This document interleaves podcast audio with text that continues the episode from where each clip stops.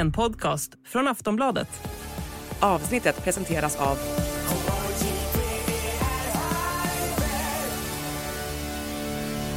Stödlinjen.se, åldersgräns 18 år.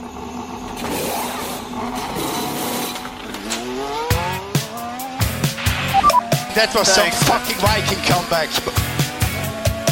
Debris uh, behind. There's something strange with the engine. I need a new pen after that. What the, what the?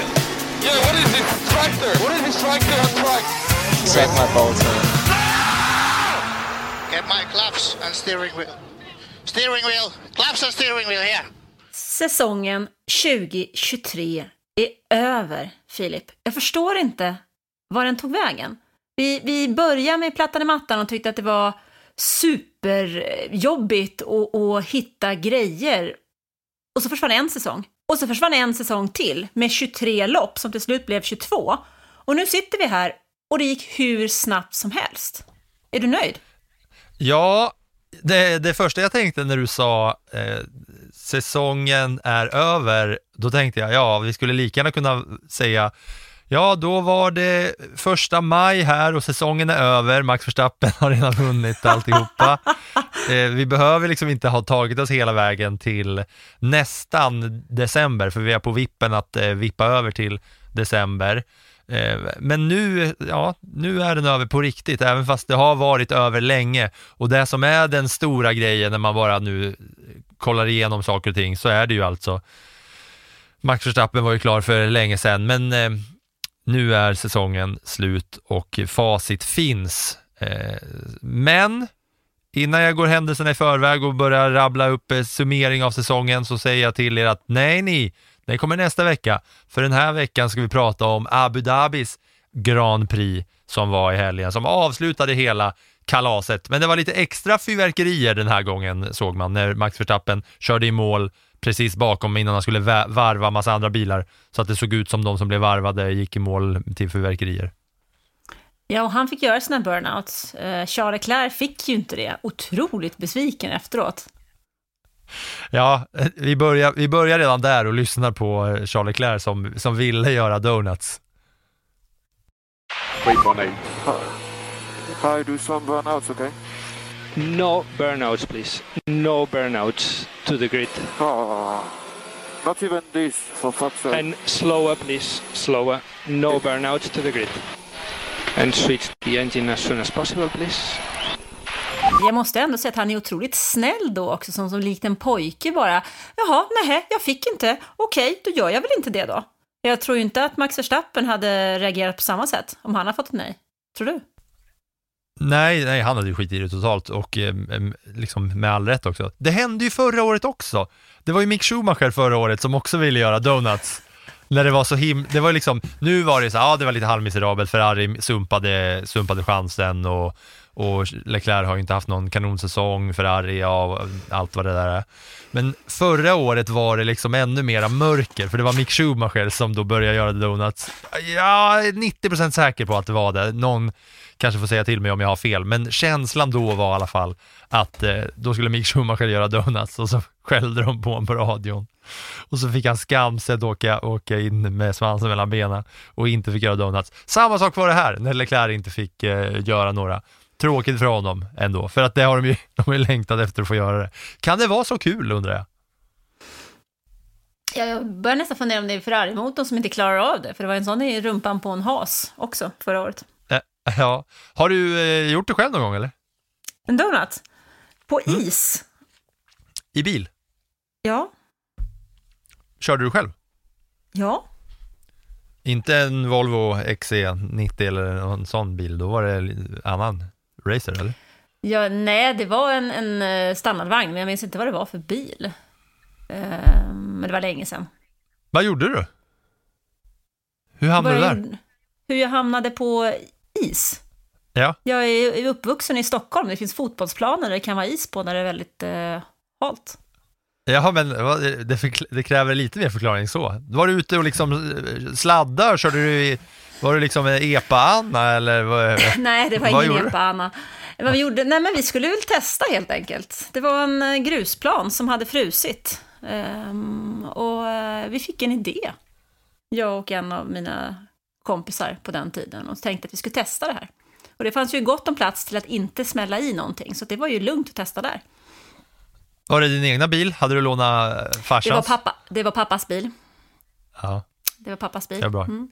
Jag var Det var och sladda. faktiskt. Ja, då var, då, var jag, då var jag rätt på det på något sätt. Jag Det var ute och sladda i en... I, 740. Ja, jag tror att det var en 740. Mm. Mm. Eh, då tryckte du plattan i mattan. Jag var ute och sladda i, eh, häromdagen när jag var uppe i Älvsbyn och gjorde hockey-tv när jag var på hockeyresa. Då kom de, vi var i Älvsbyn och skulle gå på division 3-match och sen då när liksom ungdomsgängen började komma in, då kom de ju en efter en och alla sladdade in på parkeringen, bakhjulsdrivet i sån satans fart. Så då blev jag så sugen så då kutade jag fram till en kille som kom igen i en röd Volvo EPA. Så frågade om jag fick åka med och då tog han med mig ut på en tur. Olle hette han. Han sa bara hela tiden, varje gång jag bara, "Jaha, eh, ska vi ut och sla- får jag åka med eller? Ja, jo. Jaha, hur mycket har du kört då? Ja, jag har kört en del. Jaha, blir du aldrig rädd? Nej. Och så körde han som en dåre och var sjukt bra på att sladda där uppe på, i, i snön. Flera gånger som jag kände att vi var på väg in i både folk och i bilar. Men här Olle satt lugn och eh, sladdade alltså varenda liten millimeter. Så jag har nyligen fått uppleva, det var inga donuts så man snurrar runt, men jag fick ändå ta mina varv. Med EPA. Neonupplyst också. inifrån. Mhm. Ja, annars har jag bara gjort eh, ringar med moppe annars. När man var 15-16 där. Hade moppe, då, då kunde jag göra mina ringar. Men annars var det ett tag sedan. Okej, Leclerc fick inte göra några donuts och det var inte det fantastiska avslutet på säsongen som Ferrari hade hoppats på, för inför Abu Dhabis GP så var ju eh, den stora saken man ville fokusera på vilka som skulle bli tvåa i konstruktörsmästerskapet. Men vi, innan vi tar oss in i alla poäng som delades ut, så bara en liten snabbis om kvalet. Och eh, kvalet behöver vi, det är väl inte så mycket mer att säga än att eh, Verstappen gjorde det igen som vanligt. Det var några grejer som, som eh, nu när man så kommer så långt in på säsongen och eh, alla fighter och sånt är i princip slut. Det, det var ett ganska lamt, det kändes rent sportsligt kändes det ganska lamt inför den här helgen och alla som eh, försökte hausa upp en fight här, en fight där, så var det inte så himla mycket. Det man, det man reagerade på var att Sainz åkte ut direkt i Q1. Han hade kraschat på träning innan. Han var inte riktigt i balans, kändes som att han hade gett upp helgen redan innan den började och Hamilton ut i Q2. Det är mina stora punkter från kvalet. Eh, ja, sen så tycker jag också Logan Sargent som, som eh, inte ens eh, får en tid. Alltså han kommer tvär sist. Genom att han själv satsar så hårt att han kör över track limits. Och han är ju den enda föraren som inte är bekräftad för nästa säsong. Och jag tycker att det är otroligt slarvigt faktiskt. Att göra så. Nu vet vi att Williams-bilen är ju inte... Den har ju inte uppdaterats så så, som vissa andra. Alfa Tauri kom ju exempelvis med ett helt nytt golv till den här helgen för att de ville verkligen, verkligen göra en satsning för att försöka nå Williams och plats sju i konstruktörsmästerskapet. Och vi vet ju att Williams inte är där. Men jag tycker att som förare måste man ändå ha ansvar för att man gör jobbet hela vägen och inte bara till 97 procent. Det spelar ju ingen roll hur snabb tid han sätter om man inte håller sig innanför den vita linjen.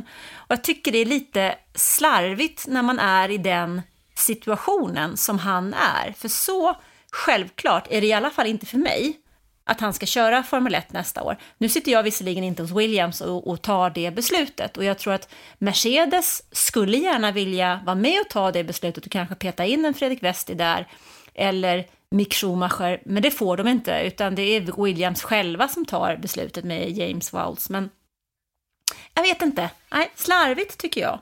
Ehm. Ja, för kollar man igenom hela griden så ser man ju att alla har ju en tid och alla var inom en sekund under, Alltså- eh, under i Är Q1 det- som jag kollar på om jag tänker att eh, Logan Sargent ändå hade en chans att sätta en tid i alla fall. Albon eh, körde en 24,3 och Verstappen som var snabbast i Q1 körde på en 24,16. Så det var ju inte mycket som skilde eh, mellan dem i Q1, men Logan Sargent ingen tid och då får man väl ändå säga att det var klantigt. Jag tycker framförallt så tycker jag att det är snarare alltså slarvigt. Jag har lite svårt för. Inkompetent ja, men jag tycker att när man är i Formel 1, som är det bästa av det bästa, så måste man ju inte ha målsättningen att man ska åka med. Man måste ju ha målsättningen att man ska förbättra sig. Och för att förbättra sig så måste man ju hela tiden pusha sin egen gräns.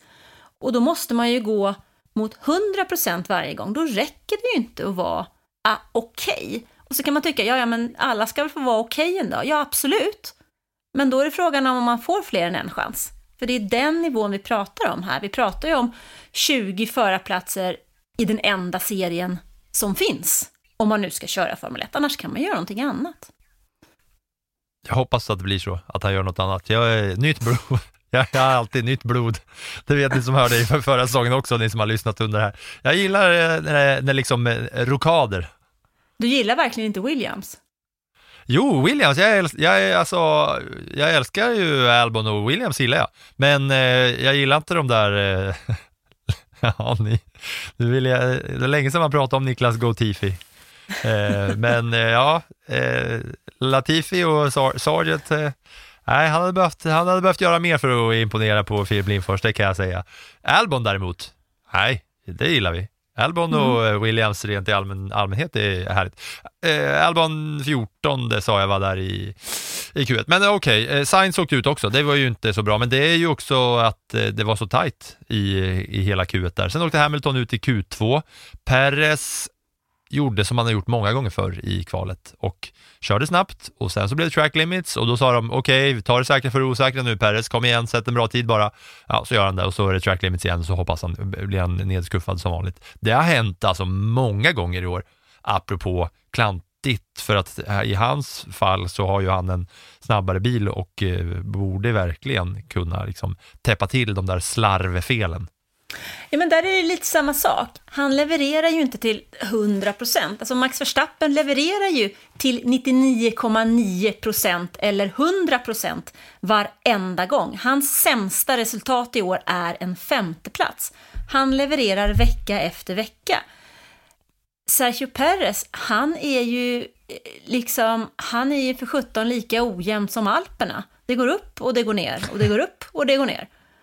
Det finns, liksom ingen, det finns ju ingen linje i det där överhuvudtaget. Och det är också den här, den här slarvigheten i de här sista, sista procenten som är, är så otroligt viktig. Det, för det, det är ju också, om man tittar på vad är det som har gjort Red Bull till att de är så otroligt bra i år? Det är ju inte bara Max Verstappen. Det är ju Max Verstappen i kombination med teamet som har byggt bilen, i kombination med strateger, i kombination med depåstopp, i kombination med tillförlitlighet. Det är ju massor med grejer som har gjort att han alltid levererar, där han är en del av det. Sergio Perez har ju i grunden samma förutsättningar. Men han springer ju ändå upp och ner från de där backarna. Ojämn som Alperna, det tyckte jag var bra. Jag har inte hört förut, ojämn som Alperna. Ja, man kollar igenom startgriden här i, i säsongens sista race. Bara eh, från botten så var det Logan Sargent som inte satt någon tid, sen var det Alfa Romeo-bilarna, Kevin Magnussen, Ian Haas och sen Carlos Sainz. Vad, vad var det med Sainzen som får starta som 16 på grund av att han inte ens tog sig förbi Q1? Men han sa ju det själv ganska bra efteråt faktiskt, när han sa att eh, eh kvalen är så jämna, så här måste man ju prestera en perfekt prestera perfekt helt enkelt. Gör man inte det så åker man ut. Och det tycker jag personligen har varit en, en av höjdpunkterna i årets Formel 1, att det är så otroligt jämnt. Även en etablerad förare kan åka ut i Q1. Här såg vi faktiskt, i det här kvalet till Abu Dhabi, så såg vi faktiskt Yuki Tsunoda köra in Alfa Tauri på plats 6. Nico Hülkenberg tog återigen en plats i Q3 i en bil som egentligen inte är så snabb. Och det tycker jag ändå är, ja, men det är positivt att det är så pass stort och att man, man så pass liksom jämnt överallt, vilket gör att även de här riktigt, riktigt duktiga förarna verkligen måste protestera, för gör de inte det så är de väck. Mm. Så är det, så nådde på sexa och så kollar man hur det blev då. Verstappen tog ju poles eh, och Leclerc bakom, sen Piastri, Russell, Norris och sen Tsunoda. Det var kvalet, det är inte så mycket mer att eh, säga om det här kvalet. Det, det kändes som att det flöt på smärtfritt, vilket även racet gjorde och racet som vi ska prata om nu Hey, I'm Ryan Reynolds. At Mint Mobile, we like to do the opposite of what Big Wireless does. They charge you a lot, we charge you a little. So naturally, when they announced they'd be raising their prices due to inflation, we decided to deflate our prices due to not hating you. That's right. We're cutting the price of Mint Unlimited from $30 a month to just $15 a month. Give it a try at mintmobile.com slash switch. $45 upfront for three months plus taxes and fees. Promo for new customers for limited time. Unlimited more than 40 gigabytes per month. Slows. Full terms at mintmobile.com.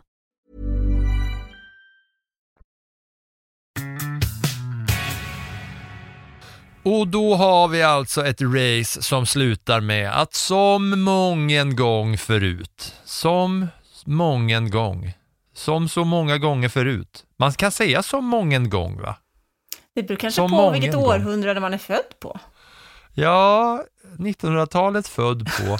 Som mången gång så slutar det här racet med Max Verstappen som segrare långt före tvåan, som i det här fallet var Charles Leclerc, som var långt efter på grund av det som var det som jag tyckte nästan var lite roligast under det här.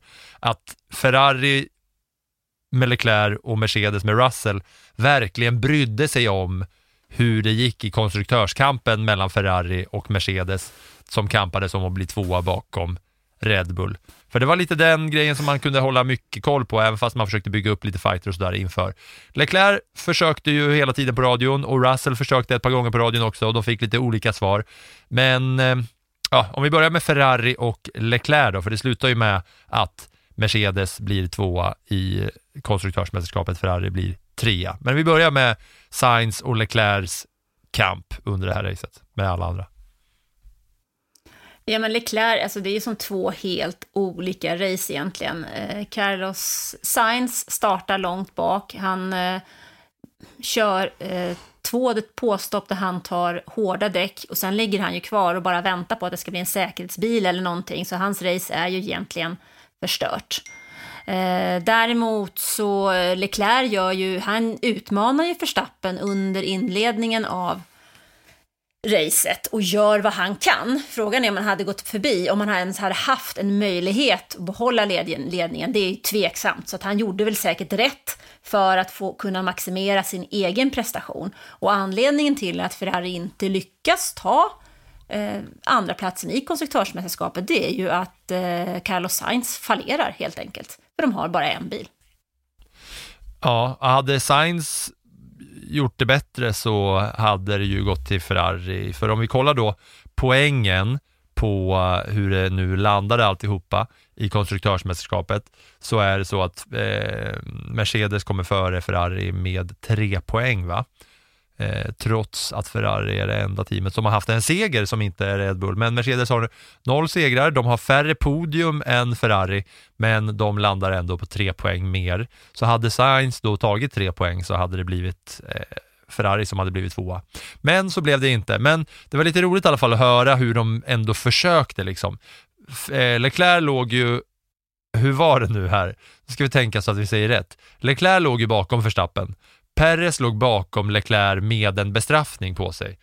Och då ville Leclerc då släppa upp dem. Ah, vi- vi kan lyssna vad han sa på radion. Tell me the gap between Checo and Russell. If there's less than five seconds, I'll give him the slipstream. Then I'll let him pass for the last sector. He's got five seconds anyway. Two point seven. And you confirm he has a five second penalty, right? Yes, confirm. And last lap, last lap. Last lap. Yes. Gap between Russell and Perez, 3.7. Come on. Perez kör förbi honom och sen så lyckas han gasa så pass mycket att Leclerc kan hålla sig bakom och få andra platsen men att Russell inte hänger med så han inte går förbi Perez utan slutar fyra. Det var ju otroligt tekniskt avancerade tankegångar som gick genom denna Monegasks huvud bakom hjälmen på väg på de sista varven. Det var ju inte en gång han försökte påtala sina smarta idéer för teamet i depån, utan flera gånger. Men problemet i det hela var ju att Hamilton körde in på poäng samtidigt som Sainz var i någon annan värld alldeles för långt bort för att ens vara i närheten av några poäng, så han fick ju ingen hjälp helt enkelt. Just Sen det, Ferrari- där, där summerar du bra. Ja, men sen är det så att Ferrari har ju slängt bort det här långt tidigare under säsongen. Men Ferrari är ju det enda teamet som faktiskt har vunnit ett race. Det gjorde ju Carlos Sainz i Singapore. Men de har ju brutit race, de har haft problem med tillförlitligheten, de har varit slarviga i depån. Alltså det har ju varit som tusen andra saker. Plus att de dessutom har ätit däck. De har ju överhettat däcken gång på gång på gång på gång. Vilket ju har gjort att de har haft problem på söndagarna. Men där har ju Mercedes varit betydligt jämnare. Just det, och det var det som också, det sa Vassör eh, efter Ferraris, eh, eller sista racet också. Men bara för att då sammanfatta och summera det som var Charles Leclercs geniala taktik. Han skulle alltså släppa, sig, släppa förbi Perez, bromsa upp Russell, låta Perez köra iväg och sen skulle han köra då så att han höll Perez inom då så många sekunder som Perez bestraffning var så att han själv blev tvåa men att Russell inte skulle hänga med dem båda så att Russell blev fyra, eller hur? Men var det inte det, det jag var... sa precis? Jo, jo, jag ville bara en gång till få confirmed att eh, jag tänkte att jag förstod dig rätt och förstod verkligheten rätt. För det är ändå avancerat ju, vilket han inte lyckades med också. För det slutade med Leclerc tvåa, Russell trea och Perez fyra. Så blev det. Så 18 poäng till Leclerc, 15 till Russell, 12 till Perez och Hamilton då i den där fighten, han plockade in två poäng och det gör ju att eh, Mercedes kommer tre poäng före Ferrari. Sainzen gick inte ens i mål, han DNFade efter 57 varv. Men du, eh, Hamilton, alltså, hur sugen tror du att han är på att kasta den där bilen på skrothögen nu? Ja, jag har sett så många roliga memes på Hamilton som skrotar den där bilen på olika sätt. Kastar, kastar den där V14-bilen i sjön och i toan och överallt liksom. Och eh, så måste det ju vara. Han var ju några gånger under säsongen så var han ju liksom positiv. När de bytte och när de fick lite ordning på det där i mitten av säsongen, när de eh, bytte konceptet och ändrade sidepodsen. Men nu var han riktigt trött på den här bilen igen alltså. Ja, men problemet med den där bilen är ju att den har, alltså både Ferrari och Mercedes har ju hängt kvar vid sina gamla koncept för länge. För när man då gjorde den här regeländringen till förra säsongen så hittade ju Red Bull rätt direkt. Eh, möjligen kanske för att Adrian Newey faktiskt studerade just ground effect på universitetet i Southampton på 80-talet. Det var hans specialarbete innan han avslutade sina universitetsstudier. Så att 40 år senare så kunde han plocka... Ja, sen 40 år senare så kunde han plocka fram den där kunskapen och, och liksom dominera och lura varenda kotte. Men Var var han pluggade sa du? Han pluggade i Southampton. Och eh, medan då Mercedes och Ferrari har ju, hängde ju kvar alldeles för länge vid sina koncept. Och problemen med de här grejerna är ju att en F1-bil måste man ju förstå. För att kunna ja, utveckla den och den blir snabbare så måste du förstå vad som händer när man gör vissa saker. Och så har man ju då hjälp av simulatorer och vindtunnor och där får man en massa siffror och då ska det stämma överens när man också är på banan. Men om då man gör en sak och tror att man har gjort en sak och sen visar sig när man är på banan att det händer någonting helt annat, så blir det ju fel. För då vet man ju inte åt vilket håll man går och så börjar man ändra lite och då dyker det upp någonting annat. Så istället för att man löser ett problem så skapar man hela tiden flera nya problem.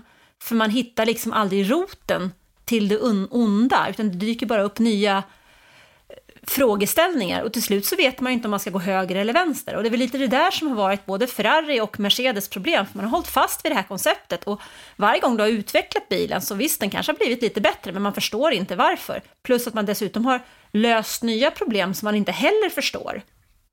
Och då blir det ju inget bra. Jag tänker bara att varför har inte de andra teamen bara nu när man kör ground effect-grejer, varför har de inte bara ringt upp till det här universitetet och sagt hej, jag skulle vilja ha ut klasslistor på årgången mellan de här och de här åren när det fanns en viss Adrian Newey i klassen och sen bara plocka in resten. Resten av de som pluggade samma, samma kurs. Japp, då tar vi in han, så tar vi in han och då har de ju hela gänget, då är det klart.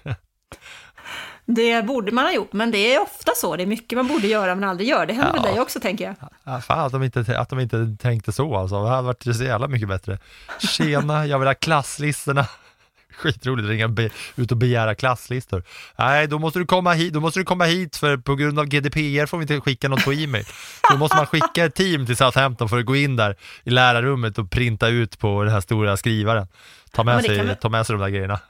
Det kan väl inte vara så långt med tanke på att allihopa håller till typ vid Silverstone. Ja, Ferrari får Ja. lite längre idag, men alla andra kan väl bara liksom kvista över. Mm. Eh, Milton Keynes som många hänger i. Jag, jag, hade, jag brukar inte ha alla mot alla på hemma på kanal 5 Filip och Fredriks frågesport, men häromdagen stod det på och då var det en fråga. Vad heter staden norr om London som ofta förkortas MK? Den hade man koll på då på grund av plattan i mattan och Formel 1-intresset. Tack Kul, va? vare va? Ja, på, ja, tack vare. Tack vare. Tack vare. Så var det. Mm. Eh, vad ska man ta sen? Jag vill bara säga en sak om det här med andra, eh, andra platsen, alltså kampen om konstruktörsmästerskapet som jag var, tyckte var lite trött på redan innan. För det var ju massa frågor hela tiden så här inför den här helgen. Wow, hur är det med kampen mellan Mercedes och Ferrari? Vad tycker ni? De frågar liksom Russell och frågar Hamilton och frågar Ferrari-killarna och Toto Wolff. Och jag blev så trött på att alla bara så här Ja, nej, det spelar ju ingen roll för oss. Vi satsar mycket högre. Vi siktar ju egentligen mot första platsen så det, spelar, det är klart att vi kommer göra vårt bästa för att vinna det här racet, men eh, att komma två eller trea, det spelar inte oss någon roll. Att alla, det var sådana här himla politikersvar på varenda en i hela, hela bunten. Framförallt Toto Wolff. Alla var så här bara, nej, vi siktar högre, vi bryr oss inte om att komma tvåa för att vi vill egentligen bara komma etta.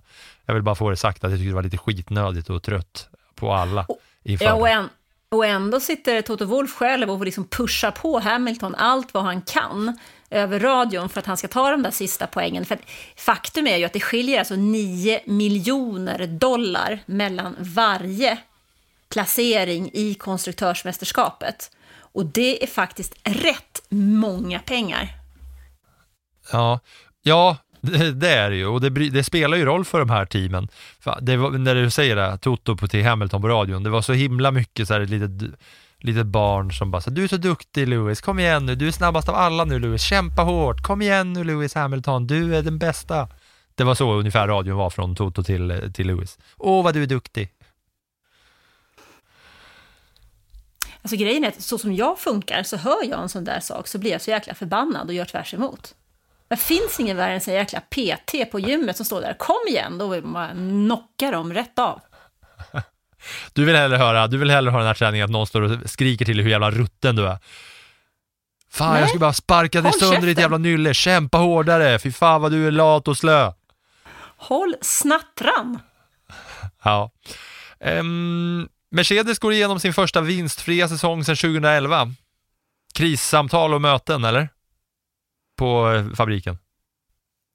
Säkerligen. Alltså de kan ju inte ha kvar den där bilen. De måste ju göra någonting åt den. Det är ju bara att konstatera att de har satsat på helt fel häst. Och segerreceptet finns på en klasslista från Southampton Typ. inför nästa säsong. Okej, ehm, lite mer race-incidenter då. Vi hade en Fernando Alonso som uh, var lite på liksom Alonso-humör i en bil som inte var särskilt snabb rakt fram. Så han fick ta till lite knep här och där. Bland annat så verkade det som att det var en bromstestning på Hamilton som eh, låg bakom där på en av rakorna.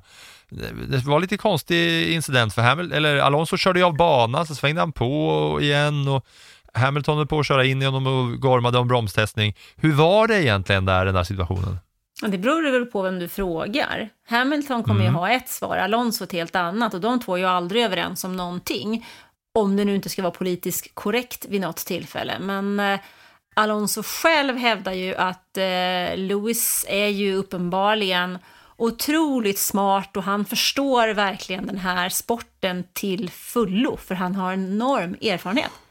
Men jag har ännu mer, var ju hans eh, svar på detta.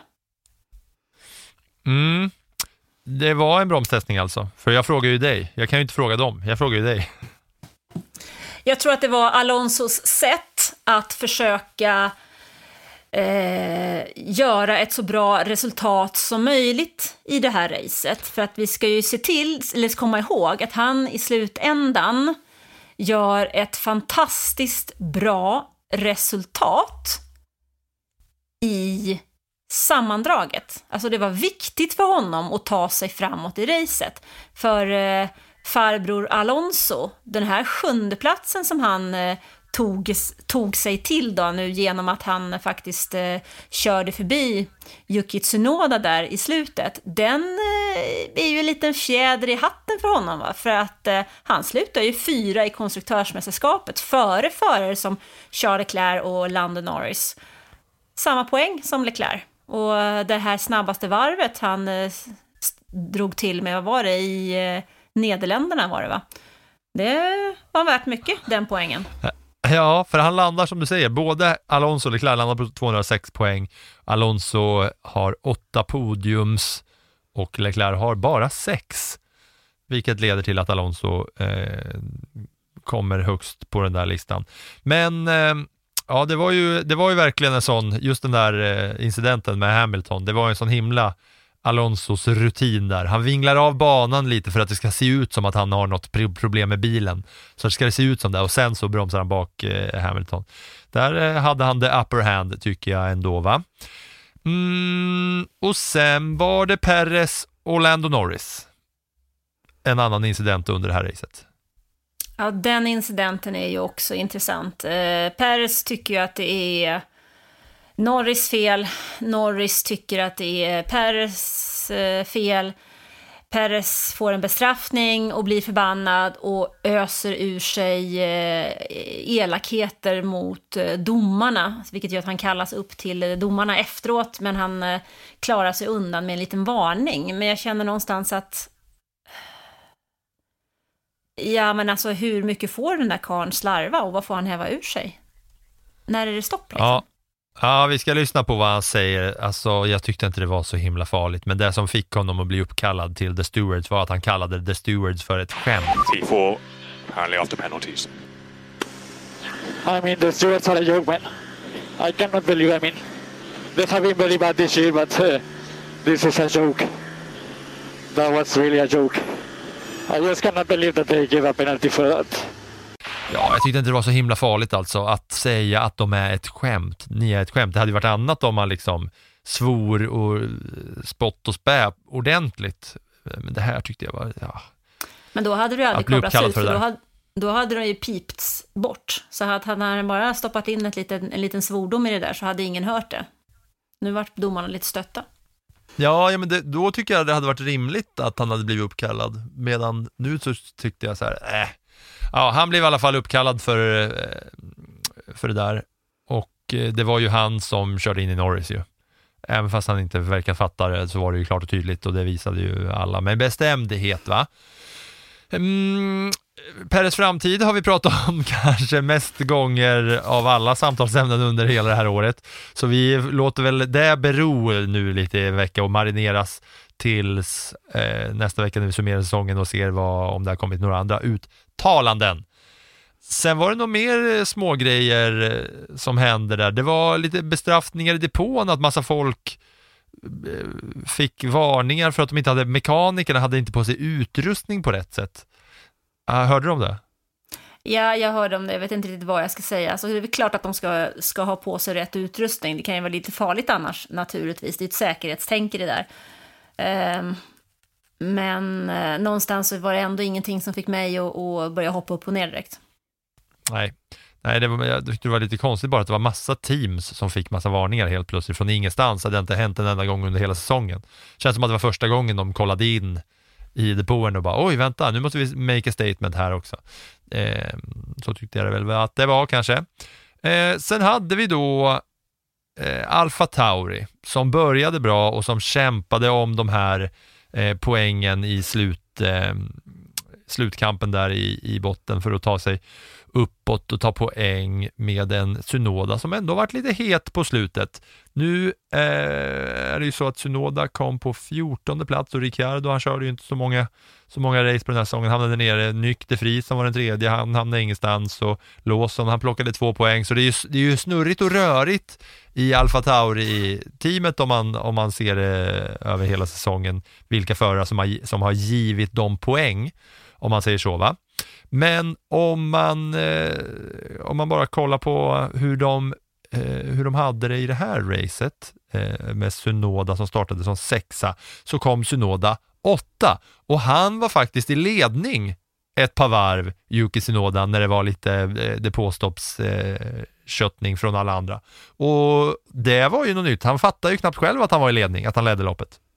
Han såg väldigt lycklig ut i alla fall, han ledde loppet. Det var den första japan på, jag vet inte hur länge, som varit i ledningen av ett eh, F1-race, så det var ju också lite roligt. Ehm, men det jag framförallt tänker på när jag tänker tillbaka på det här racet och eh, Alfa Tauri så är det ju att det är Frans Tost som är stallchef där, hans sista race. Han har ju varit en av de stallchefer som varit absolut längst i ett team och det som var intressant är ju hans uttalande efteråt. Han brukar vara väldigt politiskt korrekt.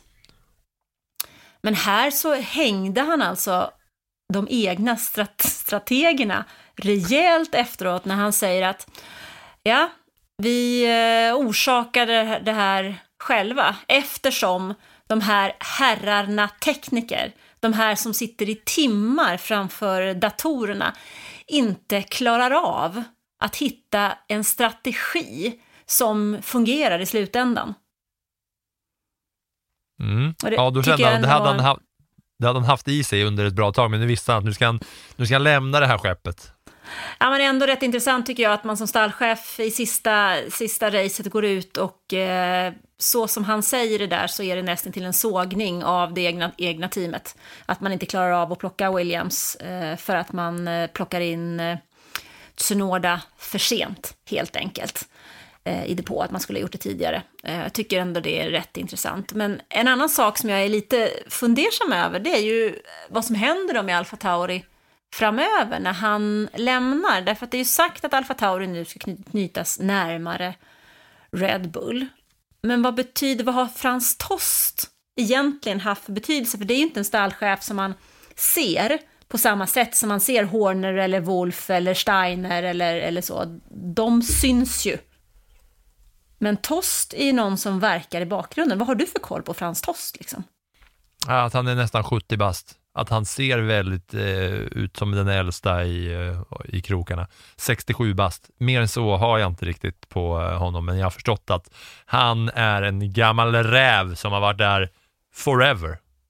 Ja, men framförallt så får man tänka efter de förare som, som faktiskt har tagit sig från Alfa Tauri och utvecklats till världsförare. Alltså det är ändå förare som Sebastian Vettel, Max Verstappen, Carlos Sainz, Daniel Ricciardo. är några stycken av det som han har eh, varit duktig och hjälpt och utvecklat under åren. Nu kommer han ersättas då av Laurent Merkis som har haft en liknande roll hos Ferrari men som inte är släppt från Ferrari än. Och det där blir ju lite spännande att se vad, vad han tar med sig till Alfa Tauri. Om det är, ja, vilken typ av Ferrari-tänk. För det, Ferrari är ju inte alls kända på samma sätt för att utveckla talanger så som Alfa Tauri och Red Bull har varit de som har kommit från Ferraris akademi de senaste åren, det är ju Mick Schumacher. Det var ju ingen jättehit. Och sen är det Leclerc som absolut har gått fantastiskt bra. Sen, eh, ja, har de ju försett, eh, eh, försett andra serier med förare, men det är ju inte jättemånga som har klivit från, från Ferraris akademi upp i toppen vid sidan av Leclerc. Eh, fler poäng som har plockats eh, via Tosten då, då. Eh, ja, det blir spännande att se med Mekis om det är så, så här, ja, implementerar han Ferrari-tänk eller, eller har han varit tillbakahållen av Ferrari-tänket och nu får eh, Red Bull-vingarna eh, låta fläkta iväg honom då. Eh, det blir spännande att se. Han ska hoppa in direkt nästa säsong då, eller direkt nu när säsongen är slut, eller hur är det, har det varit karantän och allt det där varit för honom? Hur ligger det till? karantän har jag har inte riktigt koll på när den eh, tar slut, den karantänen, men han ska väl in där till nästa år. Ja, själva racingen var ju kanske inte den liksom mest spännande. Det mesta var avgjort och det var ingen som kämpade för livet eh, här under Abu Dhabis sista eh, GP.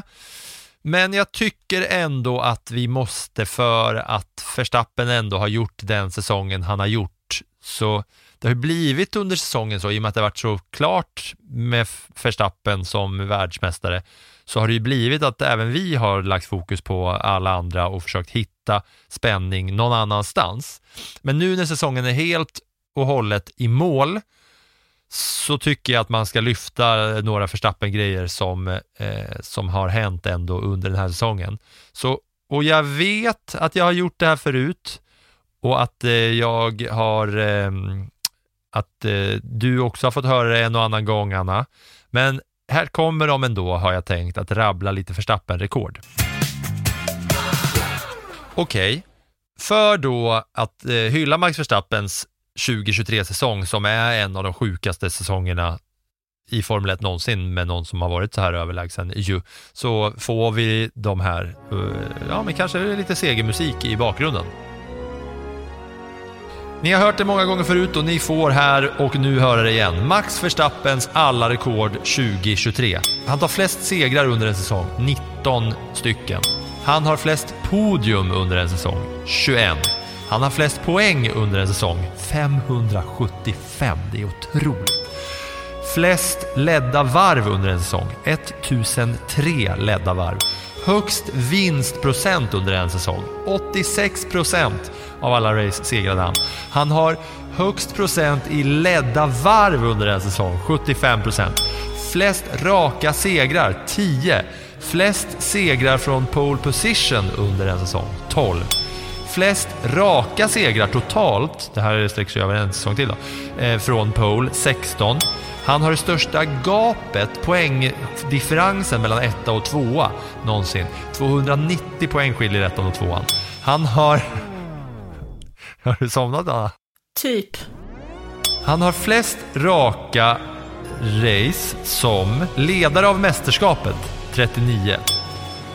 Flest Ra, alltså flest poäng tagna i rad, 1004. De här börjar bli sjuka. Flest raka topp 2-placeringar, 15. Flest hattricks under en säsong, 6 stycken. Han är den enda föraren att vinna tre gånger i ett och samma land. När han vann de tre racen i USA. Han har blivit världsmästare med flest race kvar av säsongen, 6. Han har också slagit flest rekord under en säsong. Max Verstappen 2023, där har ni han, världsmästaren. Fattar ni att han har gjort den sjukaste Formel 1-säsongen typ genom alla tider?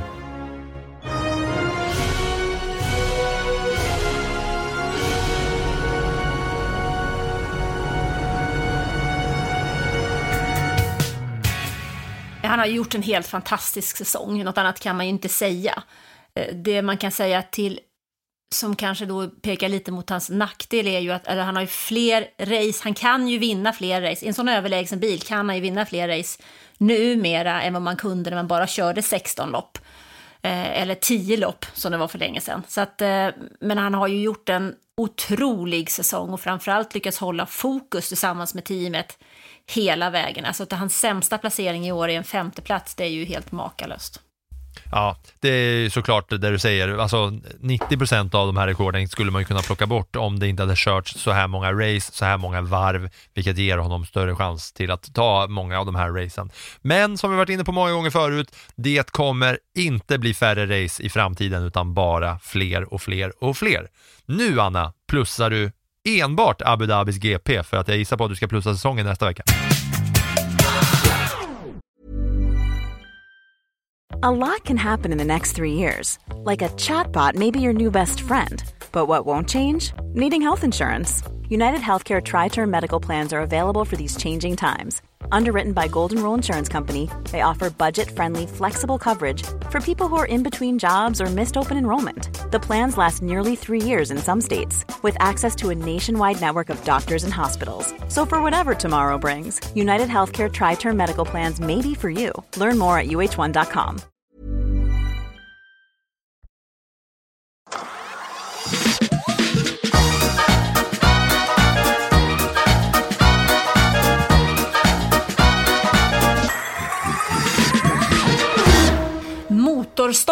det går till Carlos Sainz, för jag tycker han var helt värdelös den här helgen.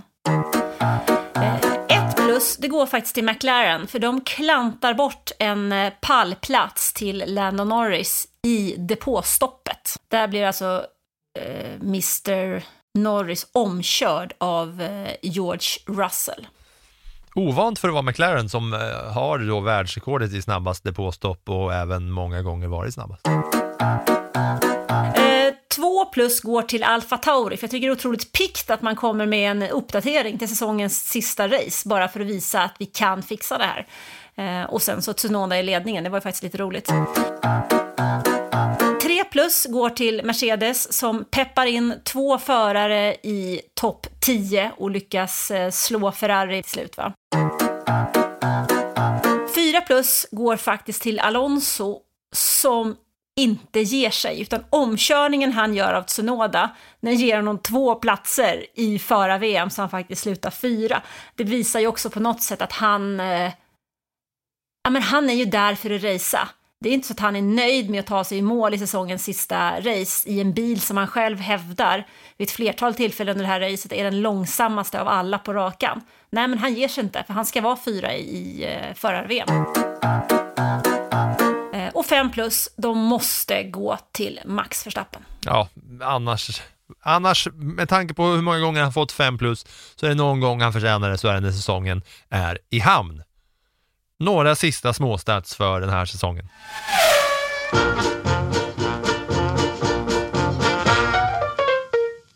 Och utöver alla Verstappens rekord då som jag nyss rabblade upp här så eh, är det så att eh, han är den enda som har kört alla varv under hela den här säsongen och två gånger som det har hänt tidigare i historien är 2019 med Hamilton och Schumacher 2002. Väldigt sällsynt. Apropå Verstappen och hans poäng så är det så här att han skulle rent poängteoretiskt slutat köra efter att eh, Belgien. Då hade han ändå vunnit. Om han hade bara så här stämplat ut då efter Belgien så hade alla kunnat få köra på ändå, så hade han ändå vunnit. Så pass överlägsen var han. Och sen nu när vi har den här säsongen i mål så är det ju så att det var Red Bull, man kollar på listan vilka som har vunnit, så är det Red Bull har vunnit alla race utom Sainz som vann i Singapore som vi har sagt. Och Alonsos fjärde plats nu i totalen, det gör honom till, eller det ger honom hans bästa placering på tio år, Alonso. Så det skrapar han verkligen ihop något. Och sen är det också så här att för första gången sedan 1952 så har inte brittiska nationalsången spelats under en enda podiumceremoni. Varken för konstruktör eller förare. Det var länge sedan, 1952, som det senast inte hände. Alltså, det är mer än 70 år. Det är, det ja. är faktiskt helt otroligt. Alltså det är första gången på 70 år som den inte har spelat. Då, då förstår man på något sätt hur stor Formel 1 är i Storbritannien med alla de teamen som har sin bas där. Nu har ju för sig både Red Bull och Mercedes sin bas där, men de kör ju med Mercedes med tysk licens och Red Bull med en österrikisk licens. Eh, men också sett till förare, alltså det är ju ganska många brittiska förare med även i år och de är ju jäkligt vassa. Ja, och de har varit där uppe och nosat liksom. Ja. Så var det i alla fall. Alla år sedan 1952 så har den där nationalsången på något sätt spelats, antingen av förare eller av team och ja, det är ju faktiskt sjukt när man, eh, när man tänker på det så långt tillbaka om man då plockar in alla de här brittiska förarna. Och teamsen, det var de sista småstatsen för säsongen. Nu säger vi väl ändå då, eller nästa vecka säger vi tack för den här säsongen, men vi kommer rulla vidare framöver, vecka efter vecka under hela vintern som en vän i kylan, i mörkret, i väntan på nästa säsong som komma skall, som drar igång. När då Anna? När börjar nästa säsong? Alltså det är väl typ nu då, det är runt 90 dagar fram till att det är dags för F1 2024. Mm. Och på vägen dit så kommer ni ha plattan i mattan och eh, senast vi hade uppehåll så gjorde vi lite intervjuer som skapade rabalder runt om i eh, sportsverige. Du föddes, fick namnet Per Sennybräck. Ja, exakt. Det har varit ett rent helvete i hela livet för att eh, det är ingen som fattar eh, Senny. Så det kommer flera intervjuer och det kommer lite specialavsnitt och det kommer lite uppdateringar om nyheterna och om bilarna och om teamen. Så eh, ni hänger med oss. Nästa vecka summerar vi säsongen. Nästa vecka summerar vi säsongen, ja. Det ser jag faktiskt fram emot. För det är no på något sätt är det sådär att man är lite Doris Alltså som den här fisken, att man glömmer bort eh, det race som har varit och då är det ganska skönt att djupdyka in i säsongen och hitta detaljer som faktiskt var riktigt, riktigt bra. Ja, Eller jag bara då, tänker så här, bara, ja, då, då ska man prata om så här, ja, Monaco, ja just det, Monaco, det var ju då, ja, ja just det, ja, man har liksom glömt bort så mycket, så det blir kul att och, eh, fräscha upp minnet på vad som har hänt sen sist. Det blir kul. Hörs nästa vecka, hej då! Hej då!